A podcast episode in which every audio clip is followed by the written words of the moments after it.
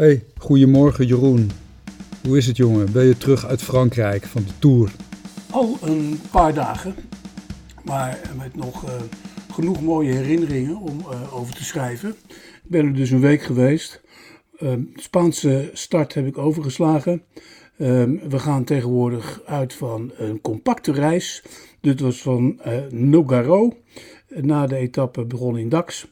En na de Puy de Dôme ben ik op vrijdagmorgen, nee, maandagmorgen uh, weer naar Nederland getrokken. Precies op de dag die Mark Rutte had uitgekozen om de politiek te verlaten. Ja, dat was net op tijd thuis, jongen. nou, het leuke was, dat is de huidige techniek natuurlijk. Uh, ik kon op een livestream klikken, zodat ik uh, al vlak boven Parijs zo'n beetje het Kamerdebat uh, kon volgen over het einde van het kabinet. Uh, debat dat dus niet uitmondde in een motie van wantrouwen, want dat was die nou, natuurlijk even slim voor geweest. Ja, al ontkent hij zelf dat het met elkaar te maken had. Ik denk dat hij uit zijn directe omgeving al genoeg signalen had ontvangen van uh, misschien is wel een tijd gekomen dat ik in het landsbelang moet terugtreden. Uh, allerlei signalen van mensen die zeiden, ja, als er een kabinet komt, dan willen wij daar als partij misschien wel in. Onder andere de BBB zei dat, maar niet met Rutte. Nee. Nou ja. Ja, gaan we missen, Jeroen? Missen in de omgang. En dat heb ik een paar keer meegemaakt, onder andere in het Rijksmuseum. Waar die als docent eh, door een tentoonstelling over de vaderlandse geschiedenis wandelde. Um, ja, dan is het een hele prettig man, moet ik zeggen. Um, als premier vertrouwde ik het niet zo, omdat hij daar de uh, charmantheid zelf uitstraalde. Maar achter de schermen toch wel uh, anders moet zijn geweest. Strenger, harder. Um, wat mij dus nog voor Lille afgelopen maandag opviel, was de hoeveelheid veren die hij desondanks van de Tweede Kamer in zijn reet kreeg. En, en, toen moest ik ook heel erg denken aan de geloofwaardigheid van de politiek. Uh, als premier, over missen gesproken, ik denk dat bepaalde onderdelen van het bedrijfsleven hem zullen missen. Zijn grote adviseur Ben Verwaaien. Uh, allemaal mensen die onderdeel maakten van, uitmaakten van zijn invloedssfeer. En ik denk, maar dat is democratie, dat Mark Rutte er ook 13 jaar heeft, is kunnen blijven omdat hij een exponent was van een forse laag in de bevolking, die nu eenmaal, VVD stemt. En dat hij de handigheid had om steeds weer een coalitie bij elkaar te regelen en te ritselen die hem het best beviel. Toch? Het best beviel, dat weet ik niet. Maar het was inderdaad wel iemand die mensen eh, bij elkaar kon houden en zeer uiteenlopende partijen op één lijn kon brengen. Dat heeft hij goed gedaan, denk ik. Zeker in die crisisperiode met, eh, met Samsung. Dat was natuurlijk toch wel een grote verdienste zoals hij het land in die periode heeft geregeerd. De Partij van de Arbeid. Nou, verder was hij natuurlijk heel toegankelijk. Hè? En simpel in zijn, in zijn, zijn levensstijl. Iets wat denk ik toch ook wel veel mensen heeft aangesproken.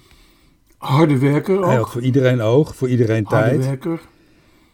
Ja, een harde werker, precies. Toegewijd, ja. Maar ik vaak wel uh, denk dat hij ook niet de gemakkelijkste periode in, het, in de tijd heeft gehad om te regeren. Hij heeft natuurlijk een, uh, een, een, grote stelselverandering geërfd van, van Balkenende. Die hele fiscalisering van de samenleving. Wat tot allerlei uh, problemen heeft geleid. Hij heeft geërfd die hele neoliberalistische uitverkoop de, de, de, alle, alle merit goods, uh, alles is verkocht. Spoorwegen, wat nu weer in discussie is, de, het gas en de elektra. Alles is uh, eigenlijk aan de markt overgelaten. Dat liet hij toch ook gebeuren? Deregulering, markt, uh, marktwerking. Liet toch ook gebeuren? Het was al gebeurd op het moment dat hij minister-president werd. Hè? Dat moeten we niet vergeten. Dat is onder vorige kabinetten gebeurd. Dus hij heeft eigenlijk de problemen van heel veel voorgaande stelselwijzigingen geërfd. En hij heeft er weinig aan gedaan om dat te herzien of te verbeteren. Ja, maar hij heeft geprobeerd er zo goed mogelijk mee te leven en mee om te gaan. En ik denk dat hem dat achteraf uh, veel problemen heeft opgeleverd. Zoals hij nu misschien voor de problemen uit is gevlucht wanneer het gaat over uh, de, de opvang van asielzoekers. Omdat daar ook de nodige problemen van te verwachten zullen zijn straks. Ja, maar hij heet dan ook een man te zijn, een premier te zijn van heel het land. Maar dat uh, is toch uh, ernstig te betwijfelen. Los van wat jij aangeeft aan het lastige erfgoed wat hij uh, meekreeg. heeft hij... Ja, welke punten betwijfel je dat dan? Nou zeg, um, de toeslagenaffaire, dat ten eerste. Uh, ja, ik zei, dat is wel iets wat hij ook een beetje heeft geërfd. Hè? Uh, ja, maar ik, ga hem toch geen arme man vinden. Hij had, hij had meer als manager moeten optreden. En veel eerder moeten er onderkennen dat er grote problemen waren. Politiek is... wegkijken was het een lange tijd. Groningen, toch... Maar de Kamer heeft hem daar ook alle ruimte voor gegund. De Kamer heeft op dat moment het ook verschrikkelijk laten afweten. Het is de Kamer geweest die aandrong op hele scherpe uh, en strenge maatregelen. Het is de Kamer geweest die in de tijd, ja, je had toen die Bulgare fraude, Polenfraude, uh, al die regels heeft willen aanscherpen. En het is de, de, de problemen bij de Belastingdienst die uh, deze ellende mede hebben veroorzaakt. De Belastingdienst die hele andere taken heeft gekregen onder, onder Balkenende. Ja, ik verdedig de minister-president nog wel een beetje. Ja. nou ja, Groningen dan.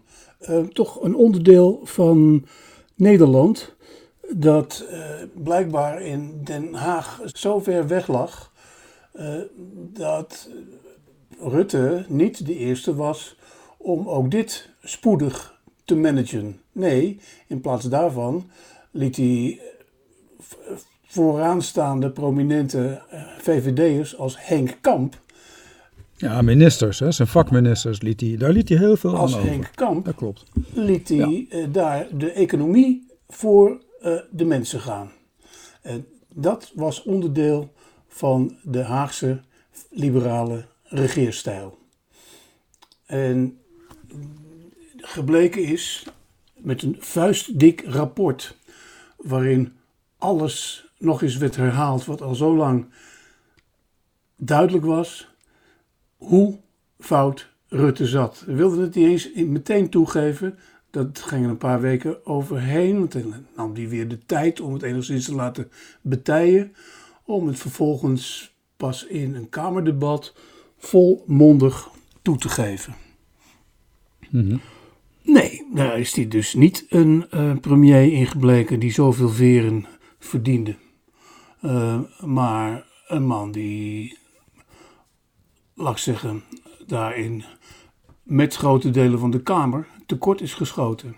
Ja, uh, dat verstaan we wel hoor. Ik vond ook dat het hoog tijd is dat we een nieuwe premier krijgen. Hij was echt over de datum. Dat, dat, dat is uh, zonder meer waar. En ik denk dat heel veel mensen in Nederland dat hebben gevoeld. En gelukkig heeft hij dat vorige week zondagochtend zelf ook gevoeld. Ja, betwijfel zelfs of het inderdaad zomaar over hem kwam. Hij uh, moet gewoon hebben ingezien met een paar getrouwen dat deze coalitie echt niet langer kon. En dat hij op, met opnieuw proberen naar Rutte 5 niet zou redden. Het blijkt ook wel, hè, nee. ik kreeg dat in Frankrijk ook wel mee hoor. De, uh, ik was niet helemaal uh, toerblind. kabinet valt vrijdag. Um, voor, nog voor de melding dat hij uit de politiek ging vertrekken, was de ene na de ander al bezig om zijn biezen te pakken. Wopke. Wopke. Ja, gaat hard hè? Ja. arme, mev arme mevrouw Hoekstra. Kaag. Die ik bij terugkeer, na ja, terugkeer in Nederland. Ja, Fabio Jacobsen was inmiddels uit de tour. Mevrouw Kaag dus, die ik bij terugkeer in Nederland wel met enige opluchting bij op één zag zitten. En nou ja, dat, dat, haar, vertrek, haar vertrek, dat is, ligt in het verlengde van waar we zo menige hakketak aan hebben besteed. Ja, noem ze maar op, hè. Renske Leijten, Mevrouw De Haan, hebben we een giftige cultuur. Carola Schouten, Sigrid Kaag, Hanke Bruin Slot, Nicky Pauverwij. Die brave, die brave Heerma. Het is me allemaal wat. Zoon van, zoon van de CDA, die destijds ook al in een christelijke paleisrevolte is gesneuveld. En een revolte, daar lijkt het wel enigszins op wat er nu aan de hand is. En ik ben ehm, benieuwd wat de verkiezingen opleveren. Ook gelet op, het, gelet op hè, een van de belangrijke redenen waarom mevrouw Kaag is gestopt. En uh, redenen uh, die denk ik ook voor andere politici toch wel heeft meegespeeld. Hè? Wat jij ook zegt, de giftigheid van de cultuur in Den Haag. Dat heeft mij dan wel weer verbaasd. Mevrouw Kaag neemt afscheid. En mevrouw uh, Kaag heeft als reden ja, dat het voor een gezin bijna niet te dragen is. Nou, hetzelfde zie je bij anderen op dit moment in de politiek die dat zeggen. En dan wordt er over gesproken van dat dat toch heel erg is. Maar het is erger dan erg, want het is een enorme nederlaag voor de democratie. Als mensen als personen worden belaagd, als personen worden aangevallen en daarom een vertrek moeten aankondigen, ja, dat betekent toch dat we straks ook hele kundige mensen gaan, uh, gaan missen. Uh, zachtaardige mensen, mensen die daar uh, vatbaar voor zijn, maar misschien ook hele wijze en slimme mensen. Mensen die inhoudelijk durven denken. En dat is een een grote, grote schande en een groot probleem. En wat ik dan zo'n groot probleem vind, is dat men nu zegt van ja, wat erg, wat erg, wat erg, maar het jarenlang zijn gang heeft laten gaan. Er is geen wet uitgevaardigd die echt, echt optreedt. We hebben een paar kleine vervolgingen gehad. De fakkeldrager, die dan veroordeeld is. De man die uh, Rutte met de dood bedreigde, die een veroordeling heeft uh, gehad. Maar dezelfde mensen lopen uh, vrolijk weer met dezelfde wapenen rond. Ik denk dat we in Nederland daar langzamerhand toch veel meer moeten aan gaan doen. En dan zeg je, nou is dat alleen de schuld van de boze burger? Nee, ik denk ook van de politiek zelf. Een scheldende Wilders die eh, op de man speelt. Een Baudet die, die de verschrikkelijkste dingen over medepolitici zegt. Maar ook andere Kamerleden die dat hebben, hebben gedaan. En ook misschien ook wel een beetje de verkiezingsstrijd van de D66 zelf. Hè? Die de verkiezingen ingaan met nieuw leiderschap. En dit wordt onze eerste vrouwelijke premier. En daarmee afstand hebben genomen van niet alleen de partijvisie in, in alle breedte, maar ook de, de, de partij zelf in al zijn breedte. Waarom zien we alleen lijsttrekkers? Laten we eens in deze nieuwe verkiezing daar wat uh, afstand van gaan nemen. Het gaat niet om personen, maar het gaat om ideeën. En ook de pers speelt daar wat mij betreft een rol in. Die kunnen, zouden ook eens wat meer moeten focussen op ideeën en dingen die in hun verband geplaatst moeten worden in plaats van het ene incident na het andere.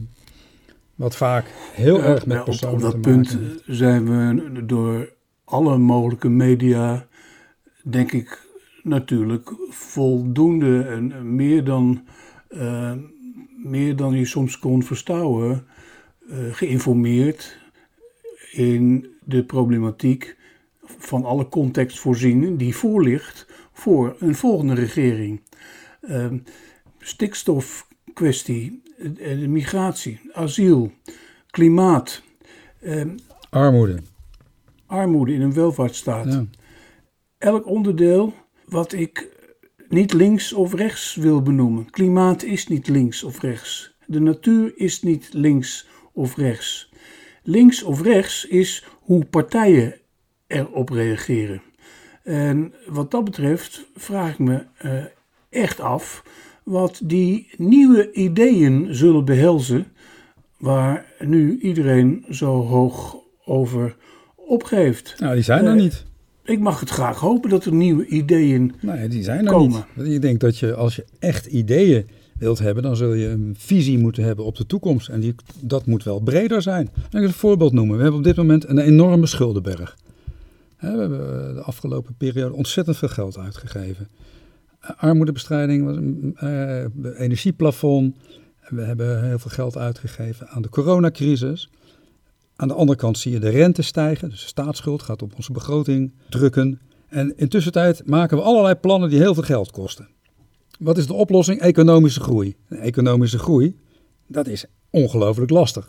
Hebben we weer te weinig mensen of we vergroten de problemen van de stikstof, het klimaat, de, de, de verschillen tussen arm en rijk. Dus het schiet dus niet op. We zullen dus een visie moeten hebben op een veranderende samenleving. Een visie hebben op een veranderende aanpak van dit soort problematiek.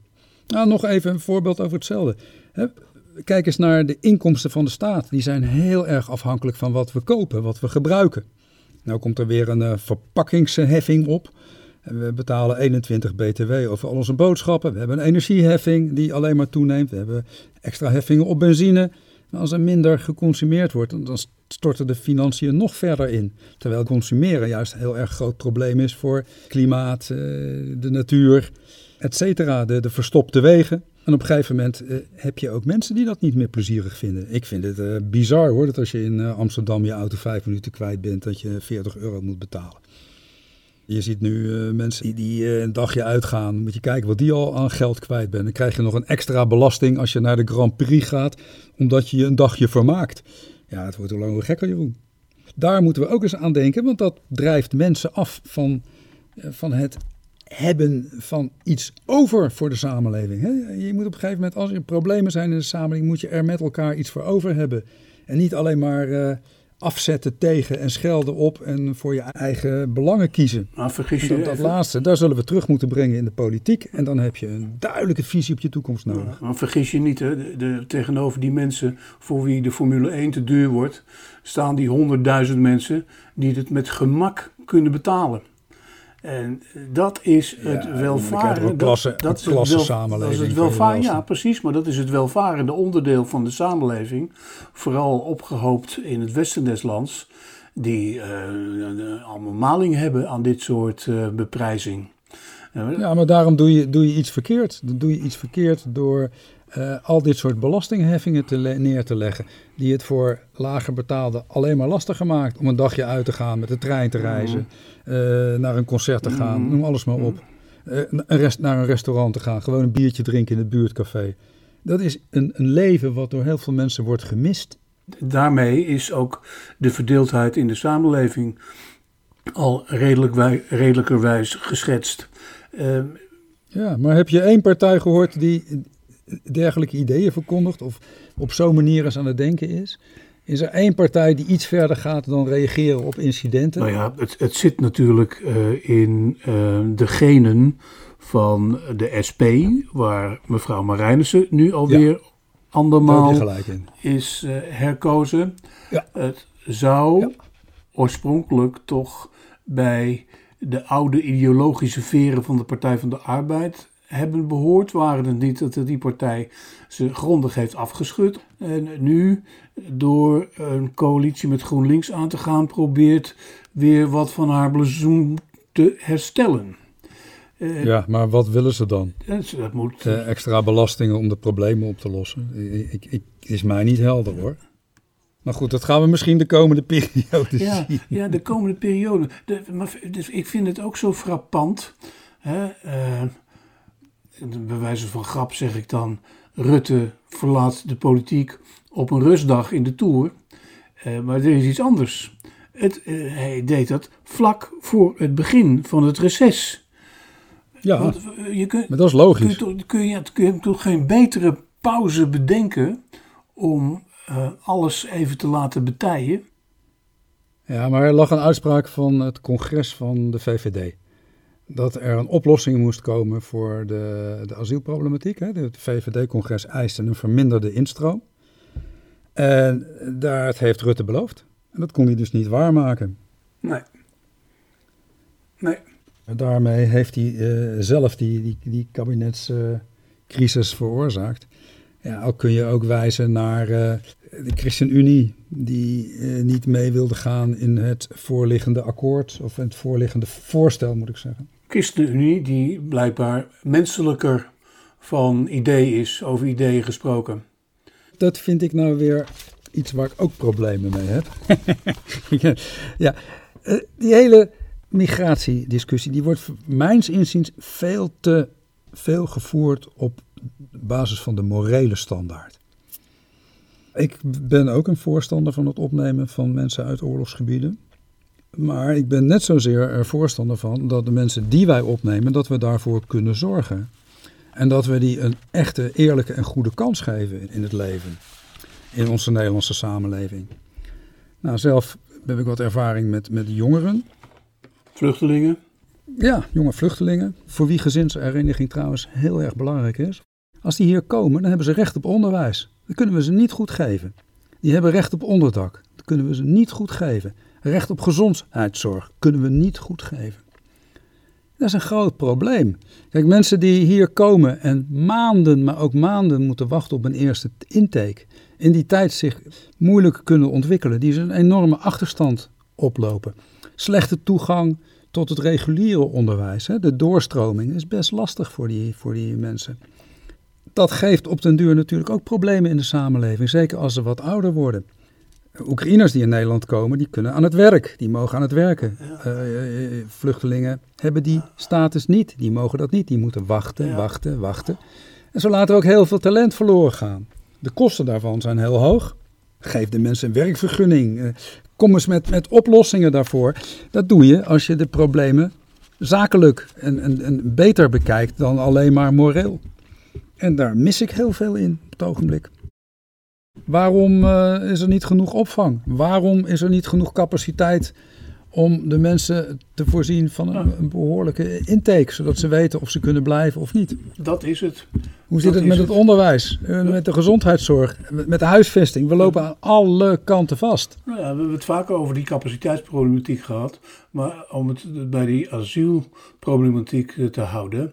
Um, mijn partner zei vandaag aan de eettafel dat het uh, eigenlijk zwaar wordt overdreven. Dat in Nederland eigenlijk capaciteit genoeg moet zijn voor die opvang, als het maar voldoende wordt gespreid. En dat is natuurlijk. Als het maar voldoende wordt geanticipeerd. Ook. We, we, we moeten daarvoor zorgen. Maar het probleem met behuisvesting bijvoorbeeld is natuurlijk niet alleen iets wat voor de, die, die groep geldt. Het geldt voor alle groepen in Nederland. Ja, eh, maar toch is Nederland niet te klein. Uh, Nederland uh, wordt klein door de morele kant van de zaak. Daar waar Bloemendaal en Wassenaar in verzet komt, als ze ook maar één vluchteling in de verte zien naderen. Dat maakt natuurlijk ook onderdeel uit van de problematiek. Not in my backyard. Ja, nou ja. We zeggen dat op het moment dat Rutte alweer in een, vliegveld, in een vliegtuig zit om in Tunesië om het probleem andermaal aan de bron aan te pakken. Mhm. Wat over uh, anticiperen gesproken uh, natuurlijk een goed onderdeel is van uh, die hele asielketen.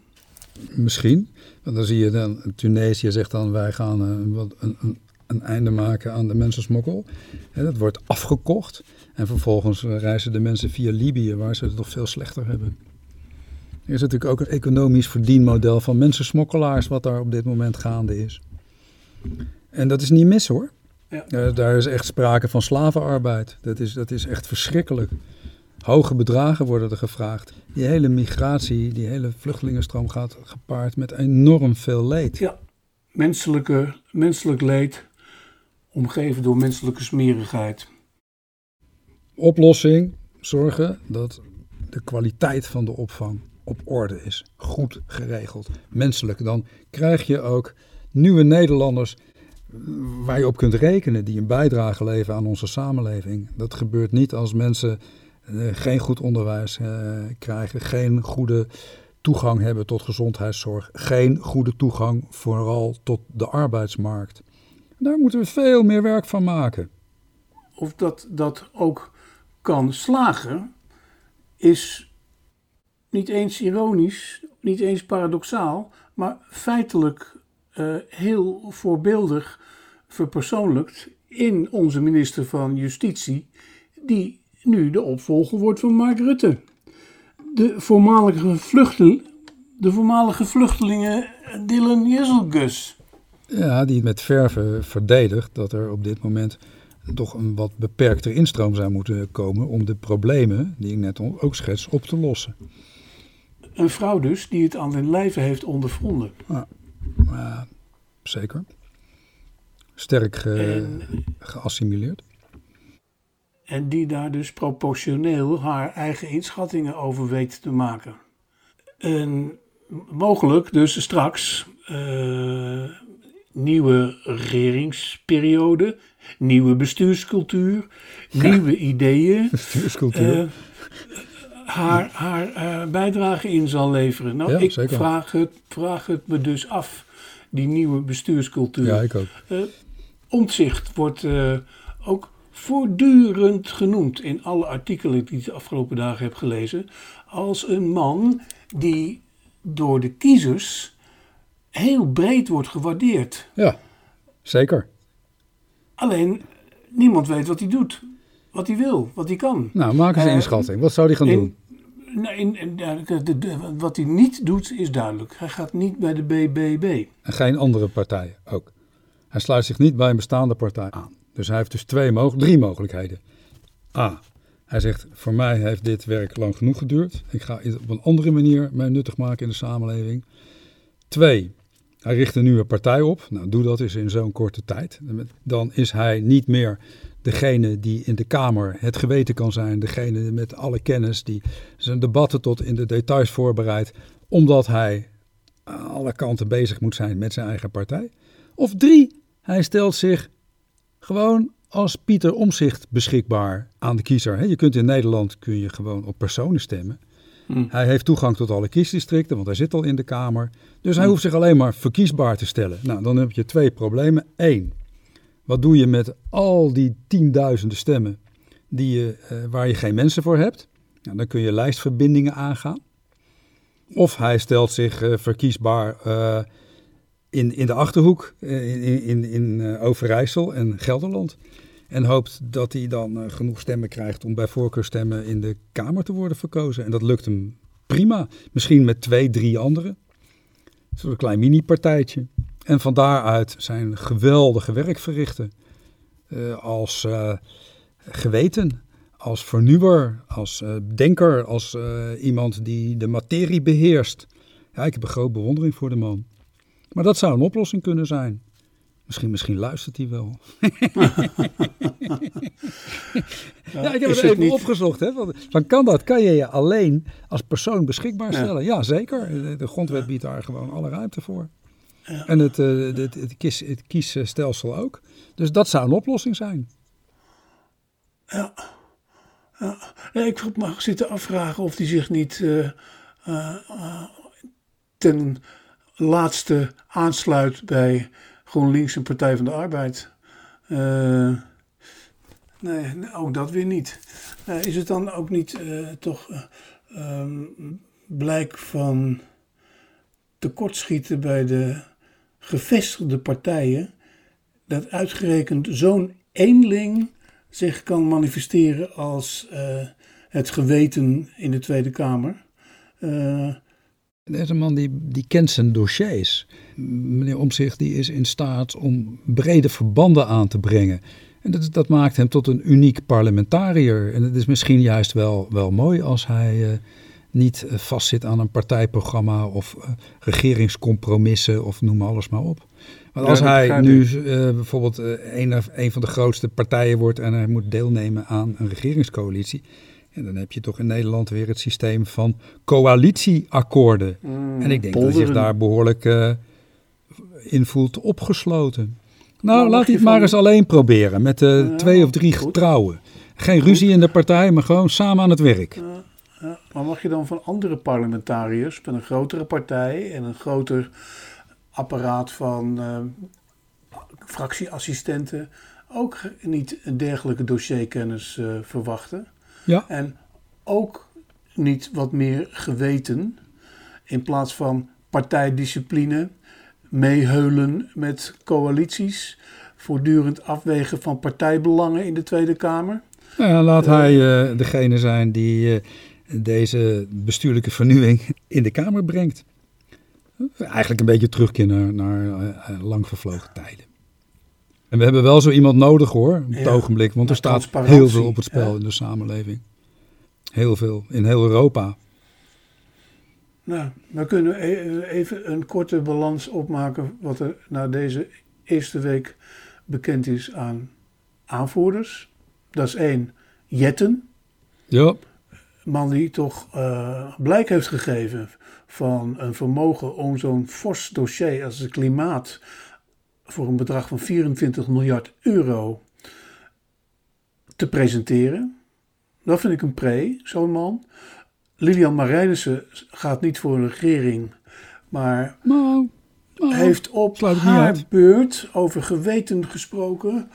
Uh, daar toch in heel duidelijke teksten uh, toch ook haar zorgen en haar ideeën laten blijken. Betrouwbaar, ook betrouwbaar in de visie van de partij.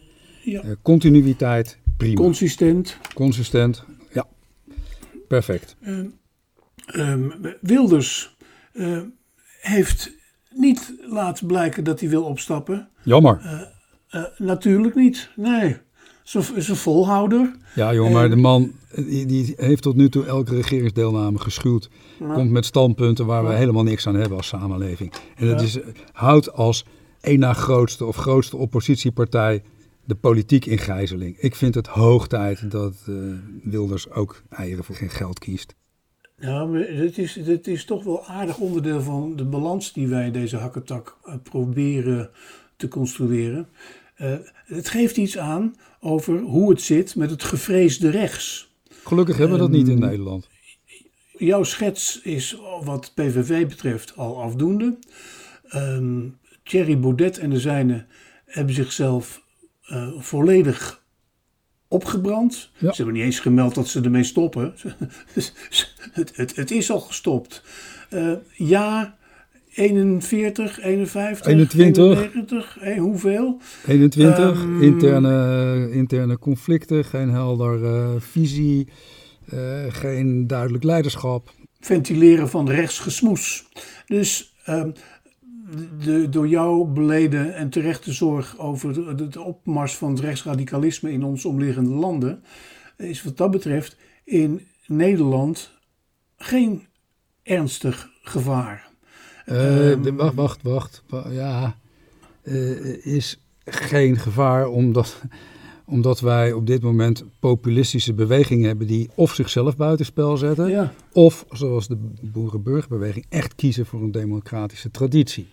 Dat kun je mm -hmm. de boerenburgerbeweging absoluut nageven. Mm -hmm. Het is niet een partij die zich uh, antidemocratisch opstelt. Geen enkel punt.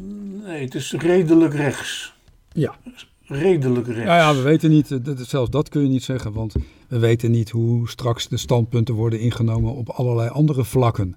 We kennen het als, als een partij die opkomt voor de, voor de boeren vooral, maar er is straks natuurlijk veel meer. Zij zullen die balans tussen al die vragen moeten gaan vinden en ook op economisch gebied. Eh, zeker. En, maar een partij waarmee te regeren valt, zonder meer. Zeker, al zullen ze, uh, gelet op de commentaren die ik hier en der, her en der lees, uh, toch ook met een programma op de proppen moeten komen dat meer behelst dan een huidige inzet die voor driekwart over het lot van de boeren gaat. En Carolien van der Plas heeft in die zin ook alweer een beperking laten blijken omdat ze alleen maar premier voor het binnenland wil zijn. Ja, maar dat is, kan dat is onhandig. Dat is onhandig. Dat kan ook niet. Dat kan ook niet staatsrechtelijk. Want dat, kan niet, dat is niet alleen staatsrechtelijk onhandig, maar uh, het, het, het feit ligt nu eenmaal voor dat Nederland nogal uh, omvangrijk wordt omringd door heel veel buitenland waar het afhankelijk van is. En tegelijkertijd, uh, niet onderschatten, uh, een, bijzonder door zijn ligging, al vanaf de Gouden Eeuw en daarvoor, uh, een, een, een, een belangrijk uh, handelsverkeersknooppunt is. Ja, maar ook de vertegenwoordiging binnen de Europese gemeenschap, hè, de, binnen de Europese Raad. Daar zal zij gewoon aanwezig moeten zijn als minister-president. Dus of ze stelt haar standpunt bij, of, en dat lijkt de voorkeur te hebben bij haar, kiest een andere minister-president om de boerenburgerbeweging te representeren. Ja, nou, ik ben, ben dus benieuwd wie dat zou kunnen zijn in die Nou, er club. zijn nog genoeg wijze mensen in Nederland hoor. Maar wie ambieert het, dat is de vraag. We gaan het zien. Dat vind ik wel, vind ik wel spannend, ja. Dat vind ik wel interessant. Het is in ieder geval, zeker nu er zoveel politici afscheid nemen, interessante periode in de politiek. Aan de ene kant nemen veel mensen afscheid, maar er gaat natuurlijk ook heel veel ervaring weg. En eh, daar is ook wel iets om eens voor te waken. Er komen misschien allemaal nieuwe mensen in. Mensen tegenwoordig die dan moed moeten hebben om Kamerlid te worden, omdat Precies. je aan allerlei persoonlijke bedreigingen Precies. wordt onderworpen. En eh, ja, dat, dat, dat is onverteerbaar eigenlijk. En Precies. daar de- de- moet een regering keihard, eh, eigenlijk de, de huidige regering moet er al mee aan het werk, Ja. demissionair of niet, om een einde te gaan maken aan deze terreur. En mensen die andere mensen bedreigen, dwingen om met naam en toenaam eh, te verschijnen in, in, in welk medium dan ook. En verantwoordelijk te houden voor hun uitspraak. Ja, precies. Hoog tijd. Hoog tijd. Laten ze allemaal maar eh, een, een verplichte cursus democratie volgen. En een weekje schoffelen ten bate van het algemeen. Ja, aardig zo'n cursus. Eh, maar dat neemt de sfeer niet weg. Waarin eh, mensen met hele goede ideeën en veel van de door jou en mij gewenste wijsheid eh, er wel voor passen om in Den Haag aan te treden. Net zoals er in Amerika, net zoals er, net zoals er in Amerika heel veel kundige mensen, zoals Jan Blokker schreef ooit in een column, wolkenkrabbers vol deskundige mensen, maar heel weinig mensen die het aandurven om het Witte Huis in te gaan. Nou, laten we het beperken tot Den Haag. Eh, dat is het. Dat is het. Niet alleen wijsheid, maar ook lef. En dat kunnen we Dylan Jezelgus, eh, Rob Jetten en Lilian Marijnissen allemaal niet ontzeggen. Nee, zeker niet. Nee, nou goed, dat- dat, dat zijn de zekerheden. En Geert Wilders ook. is onderdeel van het probleem hoor, Jeroen. Wilders die valt mensen veel te veel op een persoon Ja. aan. En hij zou beter moeten weten en ook beter moeten doen. Klaar uit. Nou ja, hij is, hij is, hij is de man die het klimaat in stand ja, houdt. precies. Dus geen pluim verdiend. In zijn partijen zitten wel degelijk mensen met goede ideeën. Er zitten mensen die de vinger hier en daar goed op de zere plek leggen. Maar ik denk dat eh, deze mensen op dit moment door Wilders zelf in de weg worden gestaan. En dat ook zijn tijd erop zit. En ook dat die partij zich eh, kan ontwikkelen als een ideeënpartij. Hopelijk in een hele goede democratische traditie. Maar goed. Ja. Hey, Amerika. Ik las daar net nog iets grappigs. In eh, Amerika daar is die Jared Kushner, de schoonzoon van Trump. En ook eh, minister. Die is eh, ondervraagd voor een federal grand jury. En men wil van hem weten, onder Ede, of hij er weet van heeft dat Trump zelf zijn nederlaag heeft toegegeven. En dat hij weet dat hij heeft gelogen over die vervalste verkiezingen uit motief om aan de macht te blijven. Dat lijkt me nou leuk. Als Koesner daar zegt, mijn schoonvader, die weet dit drommels goed en hij liegt tegen beter weten in. Dat zou een mooie tik voor deze dictatoriaal neigende Trump zijn. Ja. En ik hoop niet dat Ja. zo'n man terugkomt. Nee. Ook in Amerika wordt het tijd voor nieuwe ideeën. En nog, ik heb nog, nog één, één leuk bericht, Jeroen. Wat ik even, even las. Ook wel heel, heel grappig. Ik hou wel van dat soort gekke berichtjes. Ik las dat in de Neue Zuricher Zeitung. En dat gaat over een mevrouw. Die heet Francesca Gina. En dat is een wereldberoemde professor. Verbonden aan de Harvard Business School in de Verenigde Staten. En die is expert in oneerlijkheid en onethisch gedrag. En die heeft miljoenen verdiend met boeken over de oorzaken voor oneerlijkheid, de oorzaken, de gedachten achter onethisch gedrag. Hij heeft boeken geschreven, consultancy gedaan, onder andere bij Google, Goldman Sachs, New York Times. En openbare optredens verzorgd, is daar heel rijk aan geworden. En u ontdekte de Chronicle of Higher Education, een blad in Amerika. Die is goed gaan kijken naar haar werk. Dat ze vanaf 2012 allerlei data voor haar onderzoek heeft vervalst. Dus de mevrouw die staat voor de oneerlijkheid en het onethisch gedrag. En daar iedereen de les over leest, heeft haar hele kennis gebaseerd op gedeeltelijke vervalsingen van haar eigen werk. Prachtig. Weet je, bij die studie waar ze het ontdekt hebben, dat was een studie naar het gedrag bij het invullen van belastingaangiftes en opgaven voor verzekering. Ja, eh, zij dacht van ja, als ik daar maar een mooi rapport over schrijf, dan heb ik werk genoeg bij eh, de Belastingdienst en bij verzekeringsmaatschappij. Heeft ze ook gekregen. Maar de data, het onderzoek was gewoon vals. Prachtig. Tja, ja. ja. En hebben ze uitgerekend uh, op, het moment dat dit naar buiten komt, in Amerika of in Italië, een Nederlandse fiscalist gepakt die uh, ook de boel heeft bedot. En notabene uh, um, onder andere Afrojack, Chesto en Linda de Mol um, minder geld ja. heeft willen laten afstoffen. ontduiking in de Verenigde Staten. Ja, ja, ja, maar deze mevrouw die, die overal ter wereld rondtrekt om zich uh, te laten voorstaan op haar kennis van oneerlijkheid en onethisch gedrag, die zichzelf daaraan ongelooflijk heeft schuldig gemaakt. Dat vind ik altijd mooie berichten. Dan gaat het toch weer ja. om het geld, Jeroen. Ja, ja. Nou ja, straks in Nederland de nieuwe verkiezingen, nieuwe ideeën. Gaat onherroepelijk toch ook weer over een heleboel belangen en over een heleboel geld. Over een heleboel geld. Dus of die bestuurscultuur nou echt zoveel van zal veranderen. Het zal wel moeten. Het wordt, uh, uh, we konden het klimaat uh, lange tijd afdoen als van ja, nou ja, zal een tijd wel duren, lossen we wel op. Maar hier, deze week worden er in Italië temperaturen van 50 graden verwacht. Griekenland. En ja, ja, Sicilië, dat was tot nu toe de hoogste temperatuur ooit gemeten, 48,3 graden. Men verwacht dat dat deze week wordt overtroffen. En die hoogste temperatuur werd gemeten in 2021, dat is nog maar recent. Ja, dat wordt griezelig joh. Je ziet dan ook dat oogsten gaan mislukken. Hè? Gewassen gaan verbranden en uh, we krijgen nog een hele zware tijd. Dus de mensen in Nederland die uh, van deze kabinetscrisis aangaande het klimaat oordelen dat stilstand absoluut uit den boze is, hebben gelijk. Ja, ja, ja, ja, absoluut. Maar hoe? Hè? Alles oplossen door meer geld uit te geven, dat lijkt me ook niet zo goed. We zullen echt naar een andere visie moeten. We gaan het volgen, Jeroen.